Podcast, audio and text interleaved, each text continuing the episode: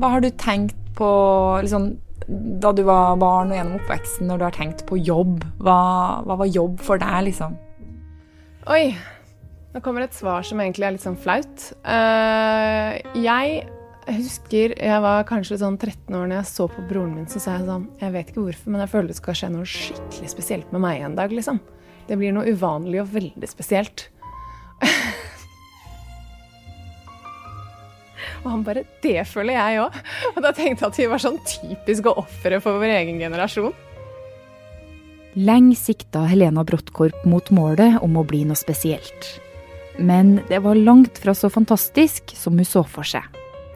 For det var ikke det å bli noe stort hun egentlig trengte. De erfaringene hun gjorde seg, har hun brukt i en ny bok hun skulle ønske hun selv kunne ha lest da hun skulle ut i arbeidslivet. Det her er den siste episoden i vår sommerserie i fire deler. Vi har snakka med ulike mennesker med ulikt ståsted og bakgrunn som alle kan si noe nyttig om den tida vi lever i. I denne episoden har programleder Marit Eriksdatter Gjelland møtt forfatter og kommunikasjonssjef Helena Bråttkorp. Hun er spaltist i Dagens Næringsliv, står bak boka Mammasjokket, og kom akkurat med ei bok om hva du kan gjøre for å finne din plass i arbeidslivet. Så i denne episoden så kan vi også love noen nyttige råd, f.eks. hvis du skal forhandle lønn.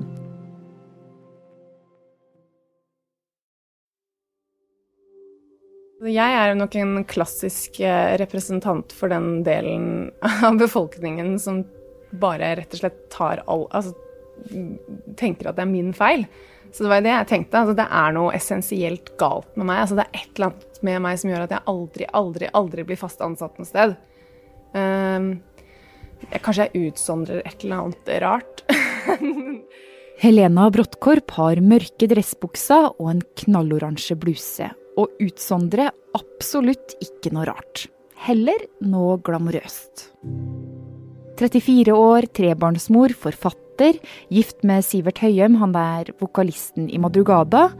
Hun er rak og selvsikker i kroppen, og oser finkultur. Det er rett og slett ganske umulig å forestille seg at hun kan ha slitt på arbeidsmarkedet. Men faktisk det her er første gang i livet hun har en fast jobb.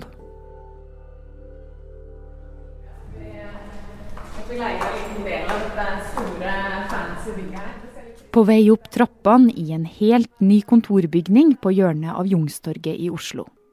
Her finnes alt det du forventer av en plass hvor en tech-startup har kontorplasser. Vegetarkantine. Her er det masse lunsjalternativer. Så sitter man her ute i disse fancy designmøblene.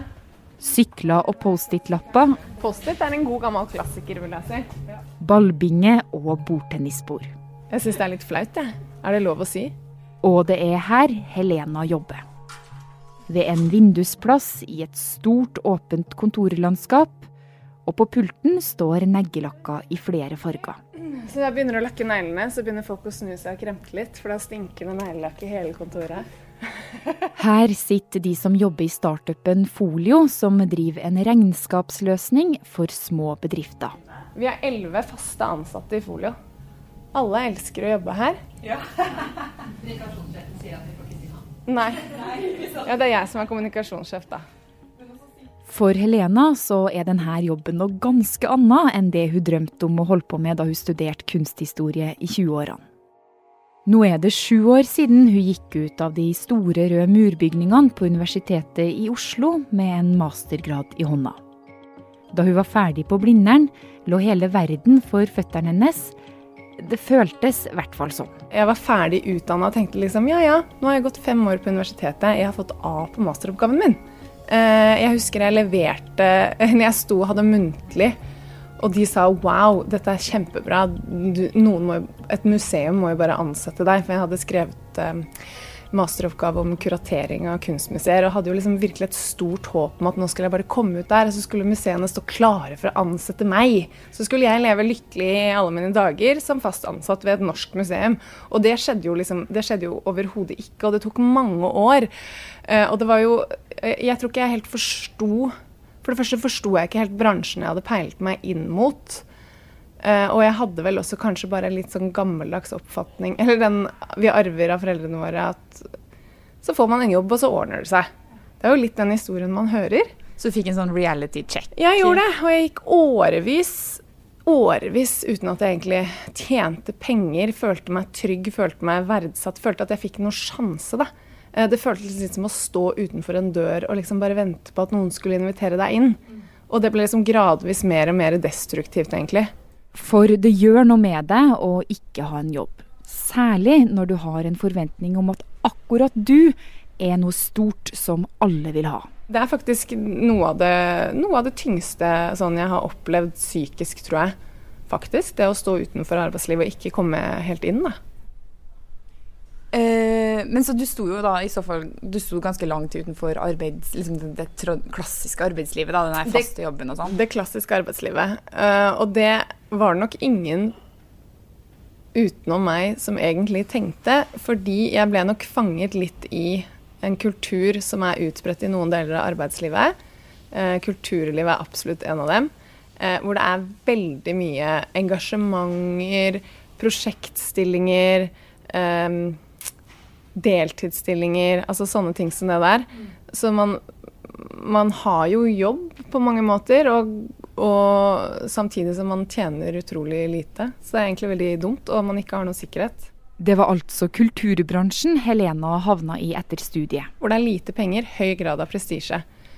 De tingene der kombinert gjør at det er sånn perfekt grobunn for å utnytte mennesker. Og det skjer ikke fordi det er slemme mennesker som er sjef, men fordi at budsjettene er så stramme. Og så er det så mange mennesker som syns det er så stas og så kult å bli spurt. ikke sant? Fordi det er prestisje knyttet til å stille opp i mediene eller lage kunst eller utstillinger. Altså Der har du mennesker som jobber gratis i mange år. Og Helena var en av dem. Så, sakte, men sikkert, begynte hun å tjene litt penger. Ja, jeg jobba frilans. Jeg leverte tekster. Jeg lærte, jeg lærte meg rett og slett et håndverk lærte meg å skrive. For jeg skjønte, når du kommer ut fra Blindern, så har du ikke nødvendigvis Du kan veldig mye, og det er veldig mye fint som du får bruk for i arbeidslivet. Men akkurat det der å kunne et håndverk som er veldig sånn Denne tingen kan jeg gjøre for dere. Eh, det skjønte jeg at det måtte jeg lære meg. Så jeg lærte meg å skrive, og kunne begynne å selge tekstene mine. I flere år så jobba Helena sånn, og litt etter litt kom det oppdrag. Hun skrev ei bok om sin egen fødselsdepresjon, skrev artikler, fikk en spalte i Dagens Næringsliv og ble redaktør for en feministisk tekstsamling. Hadde du truffet Helena på denne tida, så hadde du nok tenkt at hun var en som hadde lykkes. Men jeg vet ikke hva det er, men jeg husker jeg var på uh, Sankthanshaugen og handlet for noen år siden hvor jeg var sånn dønn ulykkelig. Hadde tjent 50 000 kroner på ett år og var sånn her Ingen ville ansette meg. Jeg hadde gått på 15 intervjuer og aldri fått napp. Og så kommer det en jente bort til meg og bare Hei, Helena, husker du meg? Og jeg var bare sånn Ja. Og Så var det lillesøsteren til en venninne av meg fra oppveksten. Og hun sa sånn at moren min pleier liksom av og til å holde opp et bilde av deg som et eksempel på en person som har klart det. Og så var jeg sånn der Det er så absurd, fordi jeg har vært jeg har hatt spalter, og jeg har fått opp medieoppmerksomhet, og jeg har laget en bok. Men i mitt hode så er det bare sånn jeg tjener 50 000 kroner i året, liksom. Ja, jeg lever på mannen min, og det har jeg gjort i veldig mange år. For meg så er ikke dette her noen definisjon på suksess. Jeg, engang, jeg har ikke engang liksom sykepenger, jeg har ikke noe Blir jeg forlatt av mannen min, da, så har jeg ingenting. Da er jeg fucked. Så jeg tenkte liksom at der en, Der er det en sånn litt sånn dissonant Altså sånn ja, jeg har ikke opplevd meg som noe vellykka før jeg fikk en helt vanlig jobb med en ganske solid lønn, liksom. Ja. Og det har hun skrevet om nå, sammen med ei som heter Ida Jackson. Boka heter 'Svartebok for deg som vil opp og fram', og handler om det norske arbeidslivet og rådene de skulle ønske de selv fikk da de var ferdigutdanna. Ærlige råd om det arbeidsmarkedet vi har i dag. For det norske arbeidslivet har utvikla seg en del gjennom historia. Fra 1930 til 2007 har andelen nordmenn i jobb mer enn dobla seg, samtidig som vi jobber kortere dager og har mer ferie. Før var det også mye vanligere å jobbe i primærnæringa som jordbruk, fiske og skogbruk. Mens nå jobber de aller fleste av oss, 78% i tertiærnæringa, eller tjenestenæringa som det òg kalles. Vi tjener penger på å gjøre andre mennesker tjenester, fremfor å produsere noe fysisk selv. Det er store forskjeller mellom bransjer, men i mange deler av arbeidslivet er det vanlig med bruk av frilansere og midlertidige kontrakter. Og det er ganske annerledes å være jobbsøker i dag enn da foreldrene til Helena var i ferd med å starte sine karrierer. De hadde ikke så ekstreme forventninger og muligheter. Eh, det var mindre muligheter. ikke sant? Moren min var sånn Hva skal jeg studere? Enten må det bli sykepleie, eller så må det bli Altså det var liksom to ting i, i byen der man kunne bli, eller som var aktuelt for henne. Og så har hun tatt videreutdanning og gjort masse sånne ting, men det har liksom aldri vært det derre ekstreme jaget etter selvrealisering, da. Og det tror jeg unge mennesker kjenner veldig, veldig mye på i dag. For akkurat det her, altså selvrealisering, det er noe såkalte millennials er opptatt av. Det er de som er født sånn omtrent mellom 1986 og 1996. Sånne som meg, f.eks. Vi har vokst opp med troa på at vi kan bli det vi vil, og at vi skal følge drømmen vår. Foreldrene våre er curlingforeldre. Som har fjernet alle obstacles og hindringer i vår vei, og vi har fått liksom en høy grad av liksom frihet og selvstendighet. Og om vi har valg. Vi tror vi kan bli alt fra statsminister til hiphopartist. Det viktigste er å jobbe med noe man brenner for. Før så var det jobben som definerte deg, men nå har du kanskje litt forventninger til at det er du og din personlighet som skal liksom definere jobben din, og du skal, du skal skinne så veldig og realisere deg så veldig gjennom uh, jobben. da. Og Helena, hun er også millennial. Hun har vokst opp med Spice Girls, Eminem og Barbie Girl.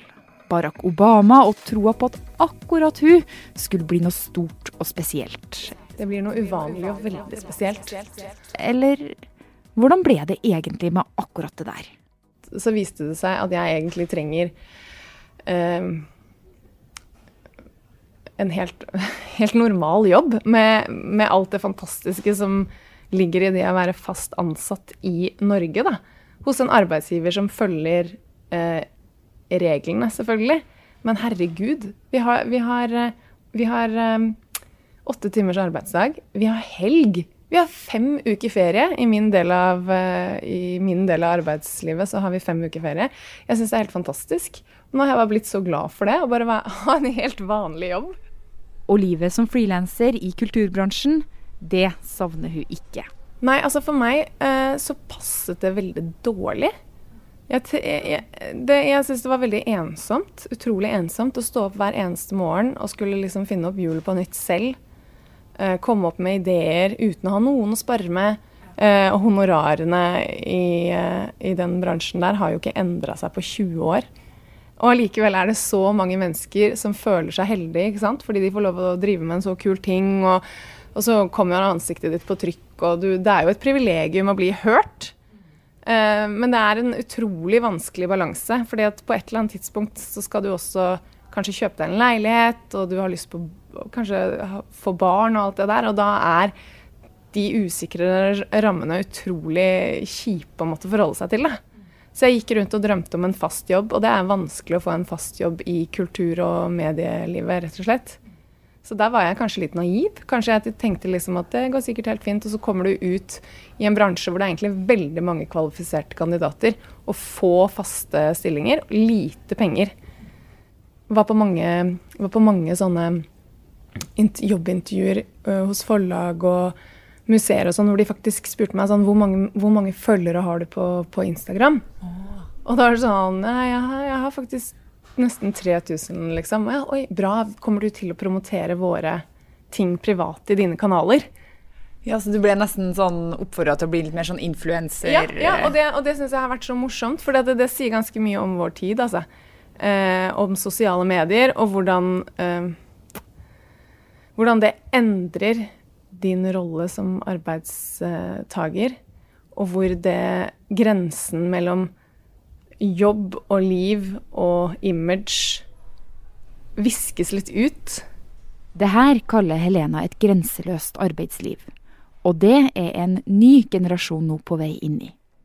Generasjon Z, eller Zoomers, kalles de som er født en gang mellom 1997 og 2012. De har vokst opp med vissheten om plast i havet og klimaendringer. De har hørt på k-pop, Ariana Grande og spilt Fortnite. Og Instagram, Snap og Face har vært med dem hele tida.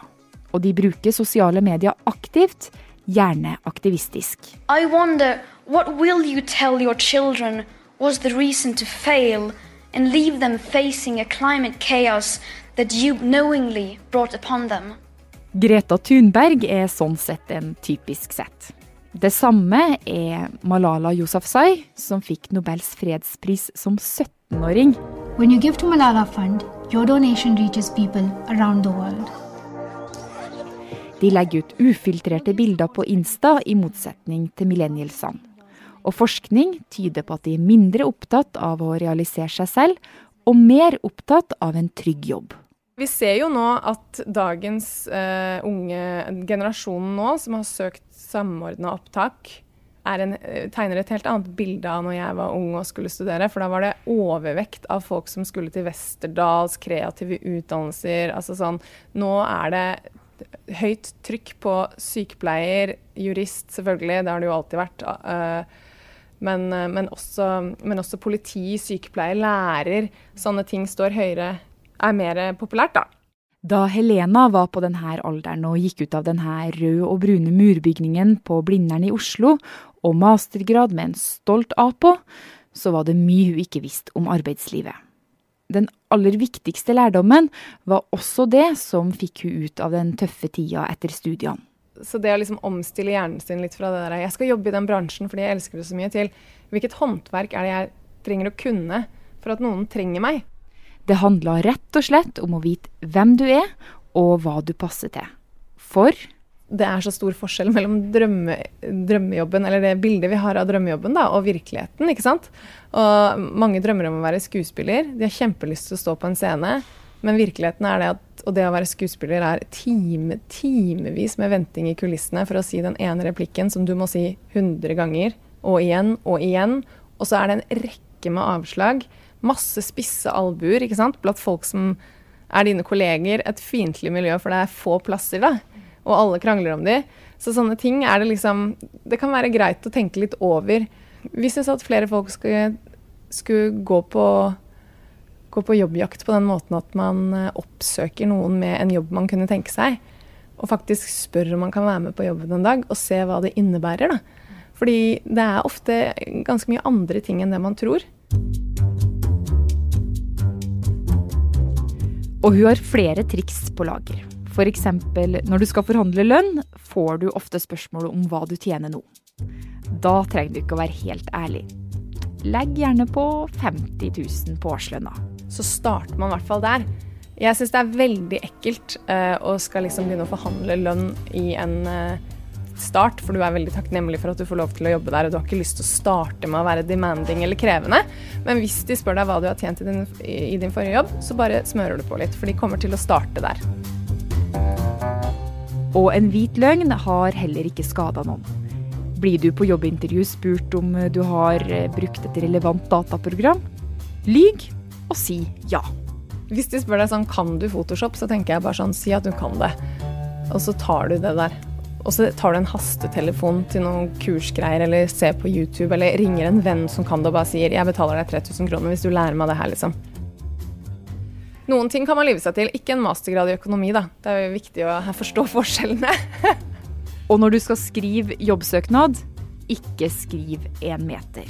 Kill your darlings. Ingen er interessert i å lese to sider, uh, for det er mange de går gjennom. Så vær påpasselig med å ikke skrive så mye. En halv side holder, mener jeg. Og så er det kjempeviktig at du ikke går i den fella og begynner å legge ut om hvor sjukt viktig det er for deg med denne jobben. Det er regel nummer én. Ingen er interessert i å oppfylle dine drømmer. Du har én jobb på den søknaden, og det er å overbevise dem om hvorfor du er perfekt for dem i den stillingen. Hva du kan gjøre rent konkret med å hjelpe dem, den bedriften da, f.eks., med det målet de har tenkt å sette seg. Så finn ut av hva er det de prøver å oppnå. Hva er det du kan gjøre for å hjelpe dem? Og hvis du vil hoppe ut i det og starte for deg selv, be om råd fra folk som har gjort det samme i din bransje før. Det fins masse fine eh, samfunn holdt jeg på, å si, på internett, eh, på Facebook, grupper, hvor gründere eh, f.eks. snakker og deler erfaringer. Og det er kjempeviktig, for hvis du har tenkt å starte for deg selv, så fins det så mye kunnskap der ute som folk er villige til å dele. Og folk er så, Man tenker liksom at man ikke skal plage andre, men sannheten er at når, når, man, når man, går til noen og sier sånn Vet du hva, jeg syns det er så kult det du har fått til. Uh, hva er det liksom Hva vil du gi, gi meg av råd og tips? Hva er det viktig at jeg tenker på? Har du noen feil? Så er folk kjempeglad for å få lov til å øse av sin erfaring og kunnskap, for det skinner positivt tilbake på dem. Så de syns det er stas, og det er egentlig mitt viktige råd. Snakk med dem. Det viktigste er egentlig bare folk er villige til å dele kunnskap. ikke vær sjenert. Eh, hva er det ingen forteller deg om jobbsøking? Eh, vet du hva? En av de tingene folk ofte spør meg om, er hva skal jeg svare på spørsmålet 'hva er dine dårlige sider'? Og det har jeg bare nettopp sittet i en badstue og snakket med en fyr som hadde altså det beste svaret på det spørsmålet, som jeg gjerne vil dele med dere. Fordi han hadde nettopp vært i et intervju og blitt spurt om det. Og så hadde han altså gjort noe så genialt at han hadde endret hele premisset for det spørsmålet. Dvs. Si at istedenfor å svare 'jeg er litt utålmodig og slurvete', som jo kanskje var sannheten, snudde om til å handle 'hva er dine dårlige sider relatert til akkurat denne stillingen'? Så han svarte Nei, altså det kan jo hende at jeg, siden jeg ikke har så veldig mye erfaring med akkurat denne bransjen her, så mangler jeg kanskje noe av det begrepsapparatet eller den kunnskapen, men så switche om. Men det kan jo også være noe positivt med at jeg er en outsider da, og ser ting på andre måter. Og det syns jeg var så utrolig elegant gjort, fordi han tok fokuset bort fra seg selv og sine personlige egenskaper til svakheten ved å ansette han i den jobben. Og det var egentlig bare veldig, veldig, veldig, veldig smart. Så hvis du blir spurt om det spørsmålet, så bare drei det bort fra deg selv. Du trenger, å, du trenger ikke å svare 'Å, jeg er så perfeksjonist'. Altså, det faller rett gjennom. Alle vet hva du prøver på. Og du trenger heller ikke å være ærlig og si 'jeg er litt lat'. Uh, men, men, heller si hva er din dårlige hva, hva, er din utfordring i denne jobben her, da? Skal du få til noen ting ordentlig, egentlig uansett hva, så har Bråttkorp et siste viktig tips. Du må velge hva du skal bruke tida di på. Jeg er kjempeopptatt av å verne om min egen tid. Jeg har også, som dere kanskje nevnte, tre barn fra før. Jeg har et ganske sånn hektisk liv. Jeg, um, og for meg er det kjempeviktig med, med, med, timer. Altså jeg må ha flere timer i uken hvor jeg faktisk bare stirrer ut i luften og drikker kaffe. Altså dødtid. Superviktig for meg. For noen er det kjempeviktig å være alene, hvis ikke så blir de gale. Og alle, alle trenger det. Uh, noen trenger påfyll av lek og venner.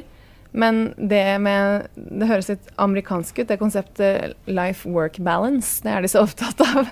Men det er jeg òg veldig opptatt av. Og jeg er utrolig, utrolig opptatt av å sette grenser. Og jeg tror ikke det er mulig jeg, å ha et superhektisk, hektisk, ambisiøst liv på jobben samtidig som du er en perfekt venninne som stiller opp og hjelper og sier ja til alt. Og du har barn og et plettfritt hjem, liksom. Jeg tror ikke det er mulig. Så man må bare tror man må velge seg tre ting, liksom. Og så får du bare drite litt i den treningen eventuelt. Hvilke tre ting har du valgt? Jeg har valgt barn, jobb og venner. Så jeg har ingen hobbyer, eller jeg går ikke på sats og prioriterer det.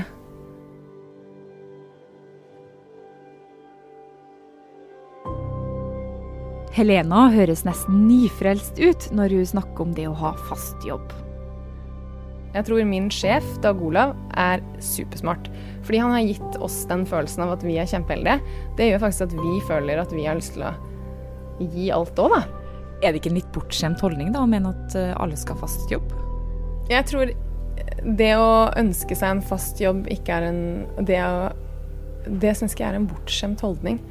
Eh, det jeg syns er en bortskjemt holdning, er å kreve ovale helger og altså sånn, jeg, tror, jeg, jeg, jeg, tviler ikke på at det er mange bortskjemte norske arbeidstakere som tar for gitt hvor fantastisk vi egentlig har det. da. Eh, og jeg som har vært litt i sånn feministiske eh, kretser og sånn, jeg ser jo at det er en del som er veldig misfornøyd med f.eks. Eh, mors tid med barnet i permisjon og sånn, og da begynner jeg å bli litt sånn Vet du hva, vi har lang og fin fødselspermisjon i dette landet her. Vi har ferie, vi har, vi har helger, vi har, vi har, korte arbeidsdager, sånn alt tatt i betraktning. Så eh, bortskjemte kan vi godt være hvis vi begynner å slutte å, å sette pris på det. Men, eh, men jeg syns ikke det er noe bortskjemt i eh, rett til, eh, til heltid, altså. Så hvordan ser du for deg de neste Du skal jo være i arbeidslivet sikkert eh, en del år til. ja, det skal jeg. Og jeg, jeg, er så glad for at jeg har kjempelyst til å være i arbeidslivet. Jeg har kjempelyst til å jobbe masse. Og så føler jeg meg utrolig heldig som har et, et positivt og sunt og fint arbeidsmiljø. Uh, med folk som er fornøyd med meg. Uh, og som jeg er sykt fornøyd med å kunne få lov å jobbe sammen med. Så, så lenge det er sånn som det her, så ser jeg ingen grunn til å dra herfra. skal holde fast så lenge jeg kan. Og så kommer det sikkert kapitler i livet som ikke blir like gledesfylte som nå. Det er jeg også forberedt på. Er det greit å ikke ha noen ambisjoner på hvor man vil, være, hvor man vil videre? Hvor man skal Ja, ja. det syns jeg. Jeg syns, det der med at han, det er litt sånn feil med vår kultur at man hele tiden vil videre. Hvis noe funker der, det er, der du er, så er det ingen grunn til å gjøre noe annet enn å være der. Og så kanskje få andre oppgaver. Det finnes jo mange muligheter da, kanskje på din egen arbeidsplass òg. Men gode kollegaer, et godt miljø og sånn, det er ganske Det skal man verne om når man har det, altså.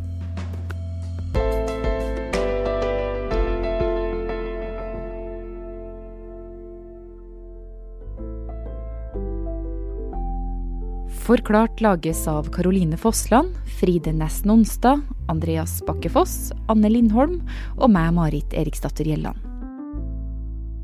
I denne episoden har du hørt lyd fra NRK og Instagram-kontoene til Greta Thunberg og Malala Yousafzai. Dette var den siste sommerepisoden vår, og fra mandag 3. august er vi tilbake med vanlige episoder. Er det noe du savner en forklaring på, en nyhetssak du syns vi skal ta tak i? Da blir vi glad om du sier fra, f.eks. med en melding på Facebook. Og du, hvis du liker det du hører, må du gjerne dele det med en venn.